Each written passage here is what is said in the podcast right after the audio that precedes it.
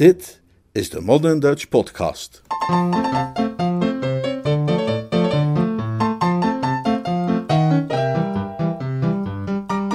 Jeeves is uniek.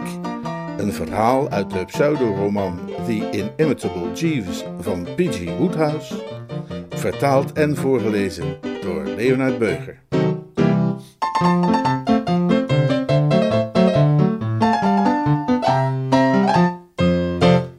Jeeves af te troeven. Als er iets is waar ik van houd, dan is het een rustig leven. Ik ben niet zo iemand die helemaal rusteloos en terneergeslagen raakt wanneer er niet de hele tijd allerlei dingen gebeuren. Het kan mij niet kalm genoeg zijn. Geef mij op tijd mijn natje en mijn droogje, af en toe een leuke voorstelling met fatsoenlijke muziek en een paar vrienden om zo nu en dan weer op stap te gaan. Meer vraag ik niet. Daarom was die narigheid, toen ik erin terecht kwam, zo'n ontzettend vervelende narigheid. Ik bedoel, ik kwam uit Roville toch terug met een beetje het gevoel dat er van nu af aan niets was dat mij nog van mijn stuk kon brengen. Tante Agatha, stelde ik mij voor, zou minstens een jaar nodig hebben om bij te komen van die Hemingway-kwestie. En afgezien van tante Agatha is er eigenlijk niemand die mij ooit echt problemen bezorgt. Het kwam mij voor, zo gezegd, dat de hemel blauw was, zonder een wolkje in zicht. Nooit had ik kunnen bedenken. Nou ja, luister, ik, ik zal u vertellen wat er gebeurde. Dan, dan kunt u zelf oordelen of dat niet genoeg was om iedereen van de wijs te brengen. Eén keer per jaar neemt Jeeves een paar weken vakantie en vertrekt naar zee of ergens anders naartoe om het vermoeide karkas wat rust te gunnen. Een knap waardeloze situatie voor mij natuurlijk, wanneer hij weg is. Maar ja, het is een kwestie van even doorbijten. En dus bijt ik door. En ik moet toegeven dat hij er doorgaans in slaagt om een redelijke vervanger te vinden om voor mij te zorgen tijdens zijn afwezigheid. Goed.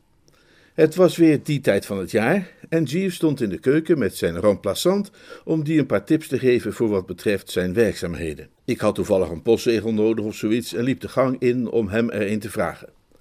De sukkel had de keukendeur open laten staan en ik had nog geen twee passen gedaan of zijn stemgeluid trof mijn trommelvlies. Uh, je zult zien, was hij juist aan het vertellen tegen zijn waarnemer, dat Mr. Wooster een bijzonder vriendelijk en aangenaam jong mens is, maar niet intelligent. Volstrekt niet intelligent. In mentaal opzicht is hij een quantité negligible. Volkomen onbeduidend. Nou ja, nou, nou, nou ja zeg, dan vraag ik u. Ik denk dat ik op dat moment, strikt genomen, regelrecht naar binnen had moeten gaan om hem op niet mis te vertane wijze op zijn plaats te zetten.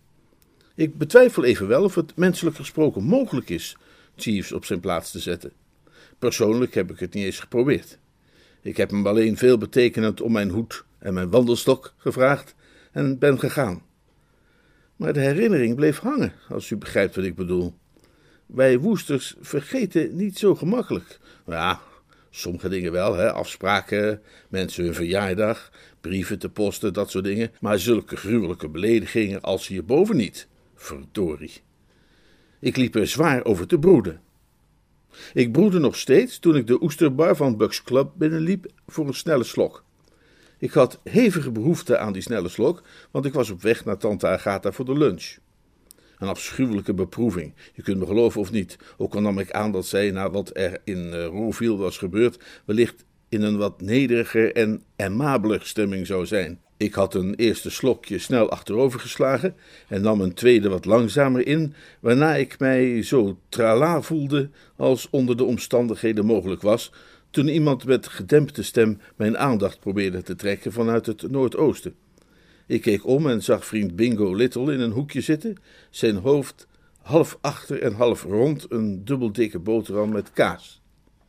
Hallo, hallo, hallo, zei ik. Jou heb ik lang niet gezien. Jij bent hier al een hele poos niet geweest, of wel? Nee, ik, uh, ik heb op het platteland gezeten. Huh? zei ik, want Bingo's afschuw van het platteland is algemeen bekend. Waar dan wel? Ja, ergens, ergens in Hampshire, plekje dat uh, Ditteridge heet. Oh, echt? Ik ken mensen die daar een huis hebben, de Glossops. Heb je die ontmoet? Ja, uh, dat is waar ik was, zei vriend Bingo, als huisleraar van de, van, van de jonge Glossop. Waarom dat? vroeg ik. Ik zag Bingo niet echt voor me als huisleraar, hoewel hij natuurlijk wel een of andere graad behaald moet hebben in Oxford en het ook wel waar zal zijn dat je een deel van de mensen een deel van de tijd voor de gek kunt houden. Waarom? Om het geld natuurlijk. Een gedoodverfde winnaar raakt de complete weg kwijt in de tweede race op Hedok Park, zei vriend Bingo met enige bitterheid in zijn stem. En dat kostte mij mijn volledige maandelijkse toelage. Ik durfde mijn oom niet om meer te vragen, dus zat er niets anders op dan naar een uitzendbureau te kuieren en een baantje te zoeken. Ik zit daar nu drie weken. Ik heb dat kind van Glossop nog nooit gezien. Nou, dat kun je beter niet doen ook, adviseerde Bingo kortaf. De enige die ik van de familie echt ken is de dochter. Ik had die woorden nauwelijks uitgesproken, of er viel een verbijsterende verandering waar te nemen aan Bingo's gezicht. Zijn ogen puilden plotseling uit zijn wangen bloosden en zijn ademsappel danste zenuwachtig op en neer als zo'n pingpongballetje op het fonteintje in een schiettent. Oh, Bertie, zei hij met half versmoorde stem. Ik keek de arme sukkel ongerust aan. Ik wist dat hij altijd en eeuwig op iedereen verliefd werd, maar het leek me onmogelijk, zelfs voor hem, om verliefd te kunnen worden op Honoria Glossop. Ik zag dat kind als niets meer of minder dan puur vergif. Zij was typisch een van die verdomde, stevige, intelligente, energieke meiden die je tegenwoordig zoveel ziet. Ze had op Girton gezeten, waar ze, behalve haar hersenen tot het uiterste te hebben volgepropt, alle mogelijke sporten had gedaan en zo het fysiek had ontwikkeld van een middengewicht freestyle worstelaar. Ik weet niet zeker of ze niet ook gekickbokst heeft voor de universiteit toen ze daar zat. Het effect dat ze op mij had, telkens als ik haar tegenkwam, was dat ik dan het liefst een schuilkelder zou binnenglippen om daar het zijn veilig af te wachten. Maar onze vriend Bingo was dus kennelijk helemaal weg van haar, en dat was maar al te duidelijk. Het liefdeslicht glansde in de ogen van die arme stakker. Ik aanbid haar, Bertie. Ik, ik, ik aanbid de grond waarop ze loopt, vervolgde de patiënt met luide en doordringende stem. Fred Thompson en nog een paar kerels waren net binnengekomen en uh, McGarry, de knaap achter de bar, luisterde met klapperende oren. Maar Bingo was niet te stoppen. Hij doet me altijd denken aan de held in zo'n musical die dan midden op het toneel gaat staan, alle jongens in een kring om zich heen verzamelt en ze luidkeels alles gaat vertellen over hoe verliefd hij wel is. Oh, heb je dat uh, haar ook gezegd? Nee, dat heb ik nog niet gedurfd maar we wandelen bijna elke avond samen in de tuin en soms lijkt het me dat er een bepaalde blik in haar ogen komt. Ja, ik ken die blik, precies die van een sergeant-majoor. Helemaal niet. Het is de blik van een tedere godin. Wacht eens even, wacht eens even, zei ik. We hebben het toch wel over hetzelfde meisje, hè? Degene die ik bedoel is Honoria. misschien heeft ze nog een jonge zusje of zo, waar ik nooit van gehoord heb. Nee, nee, haar naam is Honoria toeterde Bingo eerbiedig, maar nog even luidkeels. En, en jij beschouwt haar als een tedere godin? Inderdaad. De hemel beware je, zei ik. In schoonheid wandelt ze, als de nacht aan onbewolkte starrenbogen. Des donkers ernst, des middags pracht vloeit saam in haar gelaat en ogen. Uh, doe mij nog maar een boterham met kaas, zei hij tegen de knaap achter de bar. Bang dat je honger krijgt? vroeg ik. Dit is mijn lunch. Ik heb met Oswald afgesproken op Waterloo Station om, om kwart over één voor de trein terug. Ik ben met hem meegekomen naar de stad omdat hij een afspraak had met de tandarts. Oswald? Is dat dat jongere broertje? Ja, een stuk ongeluk, een echte plaag. Een plaag? Dat doet mij denken aan mijn lunch met tante Agatha. Ik moet er gauw vandoor, want anders kom ik te laat. Ik had tante Agatha niet meer gezien sinds dat akkefietje met die parels. En hoewel ik er met weinig genoegen naar uitkeek met haar de ruif te delen, moet ik zeggen dat ik er in elk geval vrij zeker van was dat er althans één onderwerp van conversatie wel niet aan bod zou komen deze keer. En dat was mijn toekomstige, al dan niet gehuwde staat. Ik wil maar zeggen, als iemand zo'n blunder heeft geslagen als Tante Agatha en Roville, zou je uiteraard verwachten dat een gevoel van schaamte en bescheidenheid haar toch minstens een maand of twee dat onderwerp zou doen vermijden. maar nee hoor, ik sta steeds weer verbaasd over vrouwen. Hun brutaliteit bijvoorbeeld. U wilt het vast niet geloven, maar ze begon er alweer over bij de vis. Meteen al bij de vis, ik zweer het u. We hadden nog nauwelijks een woord gewisseld over het weer en daar barstte ze al los, zonder te blozen. Bertie, zei ze, ik heb nog eens naar gedacht over jou en over hoe belangrijk het is dat jij gaat trouwen. Ik geef grif toe dat ik er hopeloos naast zat wat betreft dat verschrikkelijke schijnheilige kind in Roville, maar deze keer is zo'n vergissing niet mogelijk.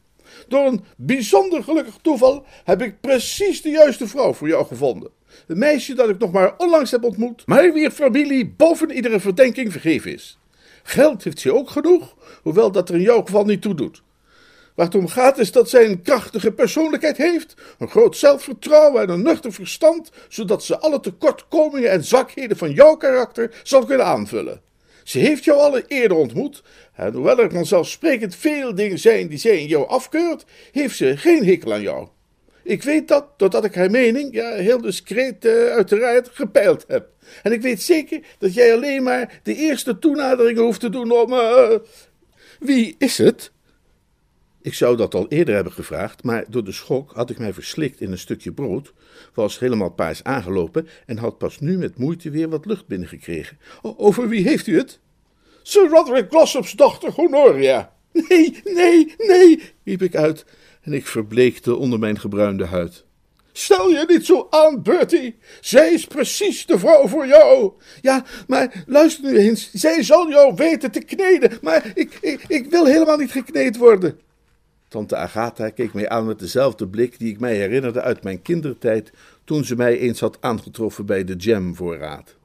Bertie, ik hoop niet dat jij hier moeilijk over gaat doen. Nou ja, maar ik bedoel, Lady Glossop is zo vriendelijk geweest jou uit te nodigen op Ditridge Hall voor een paar dagen. Ik heb tegen haar gezegd dat jij het heerlijk zou vinden om morgen al te komen. Sorry hoor, maar uh, morgen heb ik een reuze belangrijke afspraak. Wat voor afspraak? Nou, uh, jij hebt geen afspraak. En ook al had je er een, dan had je die af moeten zeggen. Ik zou ernstig gepikeerd zijn, Bertie, als je morgen niet naar Ditridge Hall zou gaan. Nou, goed dan, zei ik. Nog geen twee minuten nadat ik bij tante Agatha was weggegaan, kwam de oude vechtlust van de woesters echter weer bij me op. Hoe afschrikwekkend ook het onheil mocht zijn dat mij bedreigde, een wonderlijk soort opgetogenheid was mij ook niet vreemd. Ik zat in een lastig parket, maar hoe lastiger dat parket leek me, hoe grondiger ik Jeeves de mantel zou kunnen uitvegen wanneer ik mij uit dat parket gewerkt zou hebben zonder enige hulp van hem. Normaal gesproken zou ik hem uiteraard hebben geraadpleegd en erop vertrouwd hebben dat hij de kwestie wel zou oplossen. Maar na wat ik hem daar in de keuken had horen zeggen, zou ik liever mijn tong afbijten dan mezelf tegenover hem te vernederen. Thuisgekomen sprak ik hem aan op een losse en luchthartige toon. Uh, Jeeves, zei ik, ik uh, zit een beetje in de problemen. Spijt me dat te moeten horen, meneer. Ja, of eigenlijk uh, één behoorlijk probleem nogal. Sterker nog, je zou kunnen zeggen dat ik op de rand van de afgrond sta en een gruwelijk lot mij bedreigt. Wanneer ik op enige wijze behulpzaam kan zijn. Oh nee, nee, nee, nee, nee hoor. Dankjewel. Nee, nee. Ik zal jou daar niet meer lastigvallen. Ik zal ongetwijfeld zelf een geschikte oplossing weten te vinden. Uitstekend, meneer. Dus dat was dat. Ik moet zeggen dat ik wel wat meer nieuwsgierigheid bij hem had verwacht, maar ja, dat is nu helemaal Jeeves. Zo iemand die altijd zijn emoties verbergt, als u weet wat ik bedoel. Honoria was niet thuis toen ik de volgende middag op Ditteridge arriveerde. Haar moeder vertelde me dat ze een paar dagen doorbracht bij mensen in de buurt die Braithwaite heten, en dat ze de volgende dag terug zou komen en dan de dochter van die familie mee zou brengen voor een bezoek. Ze zei verder dat ik Oswald wel ergens in de tuin zou kunnen vinden, en zo wonderlijk is de moederliefde dat zij dat zei alsof het een pluspunt was voor de tuin en een aanbeveling om die te bezoeken. Heel fraai overigens, die tuinen van Ditridge. Enkele terrassen, een flink grasperk met een ceder, het nodige struweel en tenslotte een vijver, niet zo groot, maar erg aardig, met een stenen brug eroverheen. Toen ik om het strubeel was heen gewandeld, zag ik daar dadelijk Bingo staan. Hij leunde tegen de brug en rookte een sigaret. Op het stenen muurtje van de brug zat een knaapje te vissen, waarvan ik aannam dat het Oswald moest zijn, het stuk ongeluk, de plaag. Bingo was zowel verrast als verheugd om mij te zien en stelde me voor aan het knaapje. Als die laatste ook verrast en verheugd was, wist hij het te verbergen als een ervaren diplomaat. Hij keek me alleen maar aan trok even de wenkbrauwen op en ging door met vissen. Hij was typisch zo'n arrogant knulletje dat je de indruk geeft dat je op de verkeerde school had gezeten en dat je kleren niet goed passen. Dit is zo Oswald, zei Bingo. Wat zou mij aangenamer kunnen zijn, antwoordde ik hartelijk. Hoe gaat het met jou? Nou, dat gaat wel, antwoordde het knaapje. Het is mooi hier. Nou, dat gaat wel, antwoordde het knaapje. En, lukt het een beetje met vissen? Nou, dat gaat wel, antwoordde het knaapje. Vriend Bingo voerde mij terzijde om even apart met mij te kunnen praten.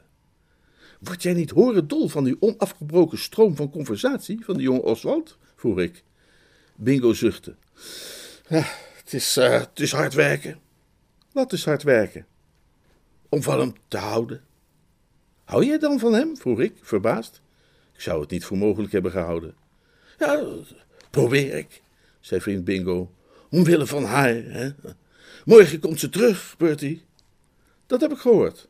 Oh, zij komt terug, mijn lief, mijn allereigens. Ja, ja, ja, zeker, ik. Maar nog even over dat knulletje Oswald. Moet jij nou de hele dag bij hem blijven? En hoe hou je dat uit? Och, ik heb niet veel moeite met hem. Als we niet aan het werk zijn, zit hij de hele tijd op die brug en probeert voorentjes te vangen. Waarom duw je hem niet in de plomp? In de plomp? Ja, dat lijkt me nu precies wat er met hem zou moeten gebeuren, zei ik en bekeek de rug van dat ventje met de nodige afkeer. Hij zou er misschien een beetje van wakker schrikken en zich wat meer openstellen voor de wereld. Bingo schudde somber het hoofd. Ja, ik vind het een aantrekkelijk voorstel, zei hij, maar het is onmogelijk, vrees ik. Want zij zou me dat nooit vergeven. Zij is namelijk dol op dat kleine monster. Lieve hemel, riep ik uit, ik, ik heb het. Ik weet niet of u het gevoel kent dat je krijgt wanneer je door een inspiratie wordt getroffen en langs de hele ruggengraat begint te tintelen, van je modieuze slappe boord helemaal tot aan de zolen van je mocassins. Jeeves zal zich, neem ik aan, vrijwel voortdurend zo voelen, maar mij overkomt het niet al te vaak. Nu echter leek de ganse natuur mij toe te roepen: Je hebt het! En ik greep vriend Bingo zo stevig bij zijn arm dat hij even gedacht moet hebben dat hij door een paard gebeten werd. Zijn fijn gesneden gelaat vertrok van pijn en dergelijke, zal ik maar zeggen, en hij vroeg me wat ik verdorie van plan was. Bingo, zei ik, wat zou Jeeves gedaan hebben? Hoe bedoel je, wat zou Jeeves gedaan hebben? Ik bedoel, wat zou hij hebben geadviseerd in een geval als dat van jou? Ik bedoel, met jou, die in een goed blaadje probeert te komen bij Honoria Glossop en zo. Nou, neem maar van mij aan, beste knul, dat hij jou daar ginds achter dat struikgewas had neergezet, terwijl hij mij zo gek zou hebben gekregen om Honoria op een of andere manier hier naar de brug te lokken. Vervolgens zou hij mij, op het juiste moment geïnstrueerd hebben dat knulletje een stevige zet in de onderrug te geven, zodat hij in het water terecht zou komen. En dan moest jij hem natuurlijk naduiken en veilig aan land brengen. Wat zeg je me daarvan? Dat, eh, dat heb je toch zeker niet zelf bedacht, Bertie? zei vriend Bingo met schorre stem. Ja, nou en of. Jeeves is niet de enige man met ideeën. Ja, ja, dat is absoluut geweldig. Ach, ik geef het je maar mee als een suggestie. Het enige bezwaar wat ik erin zie, is dat het wel erg bezwaarlijk is voor jou. Ik bedoel, eh, stel je voor dat dat ventje omkijkt en dan later gaat vertellen dat jij hem erin hebt geduwd. Ik, ik, ik vrees dat het jou erg onsympathiek zou maken in haar ogen. Nou, dat risico wil ik wel nemen. De man was diep bewogen. Bertie, dat vind ik nobel van je. Ach, wel nee. Hij greep zwijgend mijn hand en maakte een moeizaam keelgeluid, ongeveer zoals wanneer de laatste druppels badwater door de afvoer gaan. Wat is het? vroeg ik. Niets. Ik, ik, dacht alleen maar even aan, eh, zei vriend Bingo, hoe verschrikkelijk nat Oswald zal worden. Oh, wat een vreugd!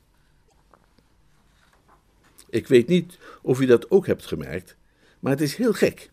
Niets in de wereld is eigenlijk helemaal perfect. Het nadeel van dit verder zo gave plan was uiteraard het feit dat Jeeves niet ter plekke aanwezig zou zijn om mij in actie te zien. Maar afgezien daarvan mankeerde er niets aan. Het mooie was namelijk, snapt u wel, dat er onmogelijk iets mis kon gaan. U weet hoe het gaat, gewoonlijk althans, wanneer u figuur A op plek B wilt hebben op precies hetzelfde moment dat figuur C op plek D is. Daar is altijd het risico dat er iets fout gaat. Neem het voorbeeld van een generaal, wil ik maar zeggen, die een grote slag voorbereidt. Het ene regiment geeft hij het bevel om een bepaalde heuvel met een molen erop te veroveren, op precies hetzelfde moment dat een ander regiment het brughoofd inneemt, zeg maar, hè, beneden in het dal. Dat gaat dan helemaal mis, en als ze dat dan s'avonds in het kamp nabespreken, zegt de kolonel van het eerste regiment: Oh, sorry, zei u die heuvel met die molen? Ik dacht dat u die bedoelde met die kudde schapen. Ja, en daar sta je dan. Hè? Maar in dit geval kon er gewoon niet zoiets gebeuren, omdat Oswald en Bingo de hele tijd al op hun plek stonden, zodat ik alleen maar hoefde te zorgen dat Honoria daar op een zeker moment ook zou zijn. En dat lukte me in één keer door haar te vragen of ze niet een wandelingetje met me wilde gaan maken, omdat ik haar iets bijzonders te zeggen had. Ze was vlak na de lunch in de auto gearriveerd, samen met dat meisje van Braithwaite. Aan die laatste werd ik voorgesteld, een, een lang meisje met blauwe ogen en blond haar. Vond haar heel aantrekkelijk. Ze leek in het geheel niet op Honoria. En als ik er de tijd voor zou hebben gehad, zou ik het helemaal niet erg gevonden hebben een tijdje met haar te kletsen. Maar zaken gaan voor het meisje en ik had nu eenmaal met Bingo afgesproken dat hij om stipt drie uur in het struikgewas zou zitten, dus ik legde beslag op Honoria en loodste haar langs de kortste weg in de richting van de vijver. U bent erg zwijgzaam, Mr. Woester, zei ze. Mijn hart sloeg even over. Ik probeerde me juist even goed te concentreren. We hadden net de vijver in het gezicht gekregen en ik spiedde zorgvuldig rond om te zien of alles in orde was. Het zag er naar uit dat alles was als afgesproken. Het knulletje Oswald zat gehurkt op de leuning van de brug, en daar Bingo nergens te zien was, nam ik aan dat hij zijn positie had ingenomen in het struweel. Mijn horloge wees twee minuten na het hele uur. Eh, vroeg ik. Oh, ah, ja, ja, dat klopt, ik, ik liep na te denken. U zei dat u iets belangrijks tegen mij te vertellen had? Ja, zeker, nou. Ik had besloten het programma te openen met een rondje warming-up, in die zin dat ik haar gedachten vast had wilde voorbereiden, zonder zijn naam te noemen, op het feit dat er, verbazingwekkend genoeg, iemand was die haar al geruime tijd van een afstandje had bewonderd en lief gehad, en dat soort van kletspraat. Het zit zo, zei ik. Het mag misschien een beetje mal klinken en zo, maar er is iemand die hopeloos verliefd op jou is enzovoorts. En uh, een vriend van mij, begrijp je wel? Oh, een vriend van jou? ja. Ze giechelde wat. Goh, en waarom zegt hij dat dan niet tegen mij? Nou, kijk, zo'n zo soort jongen is het, hè? Een beetje een schuchtere, verlegen jongen. Hij heeft er de moed niet toe. Uh, hij vindt dat jij zo ver boven hem verheven bent, weet je wel? Hij kijkt naar je op als naar een soort godin. Hij uh, vereert de grond waarop je loopt, maar hij heeft niet het lef om je dat te vertellen. Nou, dat klinkt allemaal heel interessant. Ja, uh, het is ook helemaal geen kwaaie jongen, hoor, begrijp je wel? Op zijn manier. Hè? Een, een, beetje een sukkel misschien, maar hij bedoelt het allemaal goed. Nou ja, eh, zo staan de zaken dus. Misschien goed om te weten en dat soort dingen meer. Oh, Bertie, wat ben je toch grappig. Ze wierp haar hoofd in haar nek en lachte bulderend met veel ijver en enthousiasme. Ze bezat een luide, doordringende lach. Deed sterk denken aan een trein die een tunnel binnengaat. Mij klonk het niet erg muzikaal in de oren en de jonge Oswald leek er nog veel meer last van te ondervinden. Hij keek met niet weinig afgrijzen in onze richting. Ik wou dat jullie die zo verdomde herrie maakten, zei hij. Hier jaag alle vis weg! Dat verbrak de betovering enigszins. Honoria veranderde het onderwerp van gesprek. Ik wou dat Oswald niet op die manier op die brugleuning ging zitten, zei ze. Dat lijkt me heel gevaarlijk. Straks valt hij nog in het water. Ik uh, zal het hem even gaan zeggen, zei ik.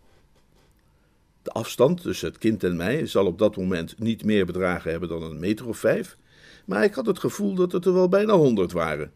En terwijl ik moeizaam begon het tussenliggende parcours te overbruggen, kreeg ik het wonderlijke gevoel dat ik ditzelfde al eens eerder gedaan had. En toen herinnerde ik het mij. Jaren geleden, tijdens een of andere logeerpartij op een of ander buitenhuis, hadden ze me gestrikt om de rol van butler te spelen in een of ander amateurtoneelstuk ten behoeve van een of ander walgelijk goed doel. En ik moest het stuk openen door van links achterin dwars over het nog lege toneel naar rechts vooraan te lopen en daar een dienblad op een tafeltje neer te zetten.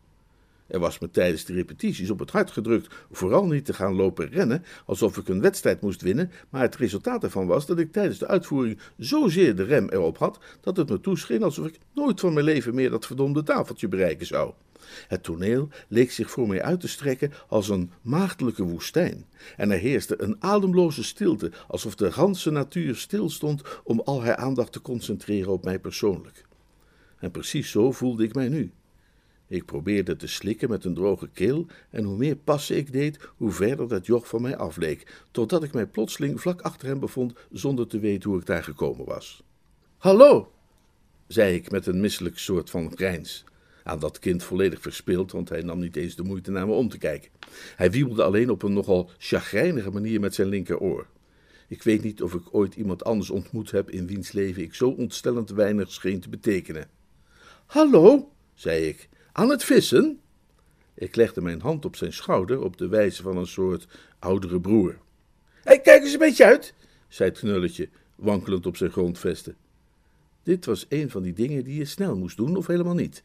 Ik deed mijn ogen dicht en duwde. Iets leek mee te geven. Er klonk even een schrapend geluid, een korte kreet, een langere schreeuw in de verte en toen een plons. En zo sleepte de dag zich voort, bij wijze van spreken. Ik deed mijn ogen weer open. Het joch kwam juist aan de oppervlakte. Help! Help! schreeuwde ik, en ik wierp een blik in de richting van de bosjes waaruit vriend Bingo volgens het draaiboek nu tevoorschijn zou moeten komen. Maar er gebeurde niets. Vriend Bingo kwam niet tevoorschijn, nog voor geen millimeter. Hé daar, help! riep ik nog maar eens. Ik wil u niet vervelen met herinneringen aan mijn theatercarrière, maar ik moet toch nog even terugkomen op dat optreden van mij als butler. De planning was bij die gelegenheid dat wanneer ik dat dienblad op dat tafeltje had gezet, de heldin van het stuk op zou komen en een paar woorden zou zeggen om mij van het toneel af te sturen. Goed, maar op de avond van de uitvoering bleek het verduivelde mens niet klaar te staan en het duurde een volle minuut voordat een zoekactie succes had en zij het toneel op werd geduwd. En al die tijd stond ik daar maar te wachten. Een gruwelijke sensatie, geloof me. En wat me nu overkwam, was precies zo, alleen erger. Ik begreep eindelijk wat die schrijvertypes bedoelen als ze het erover hebben dat de tijd lijkt stil te staan. Ondertussen zag het er naar uit dat het knaapje Oswald een al te jeugdig einde zou gaan vinden, en het leek me dat er langzamerhand toch wel stappen zouden moeten worden ondernomen om dat te voorkomen. Wat ik van het ventje gezien had, had me nu niet bepaald voor hem ingenomen, maar het ging natuurlijk wat te ver om hem zomaar te laten omkomen. Ik kon me niet herinneren dat ik ooit zoiets drabbigs en onaangenaams had waargenomen als die vijver, gezien vanaf de brug, maar er zat kennelijk niets anders op. Ik trok mijn jasje uit en dook over de borstwering. Het lijkt een eigenaardige vaststelling dat water zo ontzettend veel natter is wanneer je erin duikt met je kleren aan, dan wanneer je gewoon een bad neemt of een eindje gaat zwemmen. Maar neem gerust van mij aan dat het zo is. Ik was niet langer dan drie tellen onder water, schat ik, maar toen ik boven kwam, voelde ik me als zo'n lijk waarover je in de krant leest dat het kennelijk meerdere dagen in het water heeft gelegen. Ik voelde me klam en opgezwollen. Op dat punt in het script was er opnieuw sprake van een misrekening. Ik had aangenomen dat ik meteen nadat ik aan de oppervlakte was gekomen, dat knaapje wel te pakken zou hebben, om hem vervolgens dapper naar de kant te brengen. Maar daar had Oswald niet op gewacht. Nadat ik het water uit mijn ogen had gewreven en tijd had gehad om rond te kijken, zag ik hem tien meter verderop stevig door het water ploegen in, zo te zien, een fraaie, gelijkmatige borstcrawl. Die aanblik ontnam mij alle verdere moed. Ik bedoel, het hele idee van zo'n reddingsactie is dat het leidend voorwerp daarvan een beetje netjes stil blijft liggen op één plaats. Als je vanzelfstandig vandoor zwemt en jou rustig 40 meter op de 100 voorsprong kan geven, ja, waar blijf je dan? Je hele plannetje valt in duigen. Er leek me niet veel anders op te zitten dan maar aan land te klimmen, dus klom ik maar aan land. Tegen de tijd dat ik op de kant stond, was het joch al halverwege het huis. Van welke kant je het ook bekeek, de hele onderneming was in het water gevallen. Mijn overpeinzingen werden onderbroken door een geluid als dat van de Schotland Express die onder een brug doorrijdt.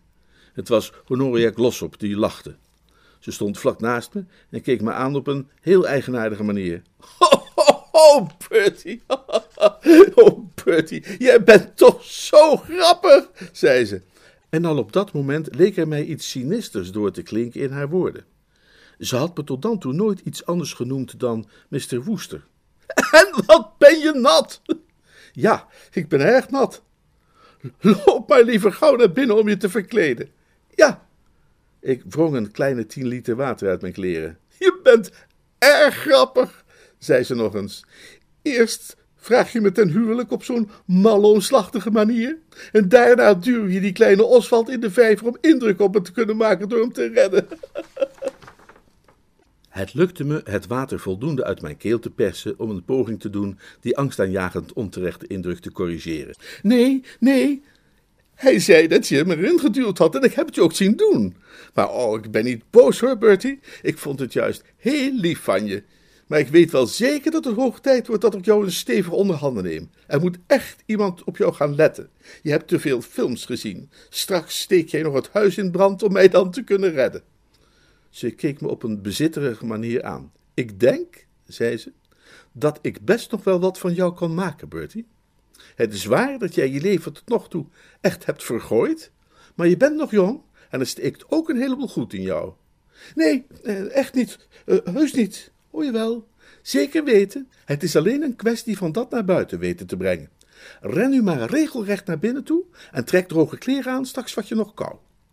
Ze sprak daarbij op een moederlijk soort van toon, als u begrijpt wat ik bedoel, die meer nog dan de woorden die ze gebruikte mij verried dat ik het haasje was.